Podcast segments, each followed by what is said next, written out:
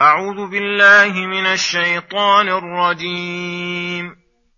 والذين لا يشهدون الزور وإذا مروا باللغو مروا كراما.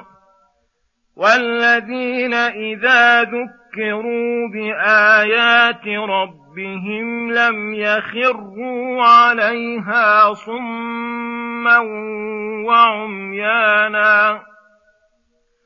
والذين يقولون ربنا هب لنا من أزواجنا وذرياتنا قرة أعين واجعلنا للمتقين إماما أولئك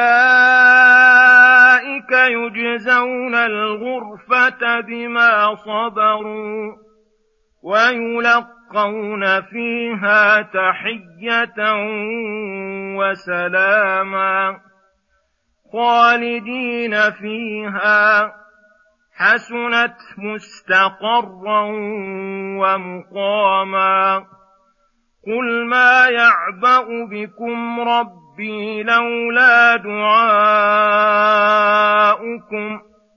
فقد كذبتم فسوف يكون لزاما بسم الله الرحمن الرحيم. السلام عليكم ورحمة الله وبركاته. يقول الله سبحانه والذين لا يشهدون الزور الآيات. أي لا يحضرون الزور أي القول والفعل المحرم. فيجتمعون فيجتنبون جميع المجالس المشتملة على الأقوال المحرمة أو الأفعال المحرمة. كالخوض في آيات الله والجدال الباطل والغيبة والنميمة والسب والقذف والاستهزاء والغناء المحرم وشرب الخمر وفرش الحرير والصور ونحو ذلك. وإذا كانوا لا يشهدون الزور فمن باب أولى وأحرى ألا يقولوه ويفعلوه.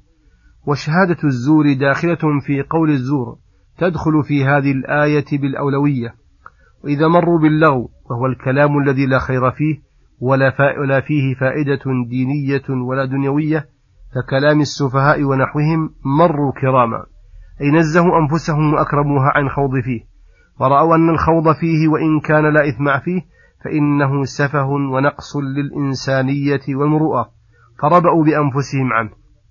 وفي قوله وإذا مروا باللغو إشارة إلى أنهم لا يقصدون حضوره ولا سماعه ولكن عند المصادفة التي من غير قصد يكرمون أنفسهم عنه والذين إذا ذكروا بآية ربهم التي أمرهم باستماعها والاهتداء بها لم يخروا عليها صما وعميانا أي لم يقابلوها بالإعراض عنها والصمم عن سماعها وصرف النظر والقلوب عنها كما يفعله من لم يؤمن بها ولم يصدق وإنما حالهم فيها وعند سماعها كما قال تعالى إنما يؤمن بآياتنا الذين إذا ذكروا بها خروا سجدا وسبح وسبحوا بحمد ربهم وهم لا يستكبرون. يقابلونها بالقبول والافتقار إليها والانقياد والتسليم لها وتجد عندهم آذانا سامعة وقلوبا واعية فيزداد بها إيمانهم ويتم بها إيقانهم وتحدث لهم نشاطا ويفرحون بها سرورا واغتباطا. والذين يقولون ربنا هب لنا من أزواجنا أي قرنائنا من أصحاب وأقران وزوجات وذرياتنا قرة أعين أي تقر بها بهم أعيننا وإذا استقرأنا حالهم وصفاتهم عرفنا من هممهم وعلو مرتبتهم أن دعاءهم لذرياتهم في صلاحهم فإنه دعاء لأنفسهم لأن نفعه يعود عليهم ولهذا جعلوا ذلك هبة لهم فقالوا هب لنا بل دعاؤهم يعود إلى نفع عموم المسلمين لأن صلاح من ذكر يكون سببا لصلاح كثير ممن يتعلق بهم وينتفع بهم. واجعلنا للمتقين إماما. أي أوصلنا يا ربنا إلى هذه الدرجة العالية درجة الصديقين والكمل من عباد الله الصالحين. وهي درجة الإمامة في الدين وأن يكونوا قدوة للمتقين في أقوالهم وأفعالهم يقتدى بأفعالهم ويطمئن لأقوالهم ويسير أهل الخير خلفهم فيهدون ويهتدون. ومن المعلوم أن الدعاء ببلوغ شيء دعاء بما لا يتم إلا به وهذه الدرجة درجة الإمامة في الدين لا تتم إلا بالصبر واليقين كما قال تعالى وجعلناهم أئمة يهدون بأمرنا لما صبروا وكانوا بآياتنا يوقنون فهذا الدعاء يستلزم من الأعمال والصبر على طاعة الله وعن معصيته وأقداره المؤلمة ومن العلم التام الذي يوصل صاحبه إلى درجة اليقين خيرا كثيرا وعطاء جزيلا وأن يكونوا في أعلى ما يمكن من درجات الخلق بعد الرسل.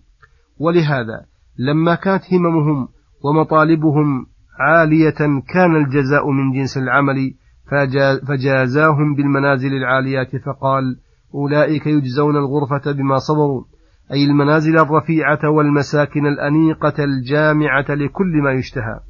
وتلذه الأعين وذلك بسبب صبرهم نالوا ما نالوا كما قال تعالى والملائكة يدخلون عليهم من كل باب سلام عليكم بما صبرتم فنعم عقبى الدار.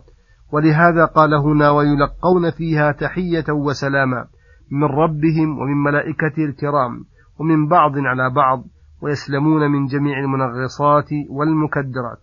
والحاصل أن الله وصفهم بالوقار والسكينة والتواضع له ولعباده وحسن الأدب والحلم وسعة الخلق والعفو وسعة الخلق والعفو عن الجاهلين والإعراض عنهم ومقابلة إساءتهم بالإحسان وقيام الليل والإخلاص فيه والخوف من النار والتضرع ربهم أن ينجيهم منها وإخراج الواجب والمستحب في النفقات والاقتصاد في ذلك. إذا كانوا مقتصدين في الإنفاق الذي جرت العادة بالتفريط فيه أو الإفراط فاقتصادهم وتوسطهم في غيره من باب أولى.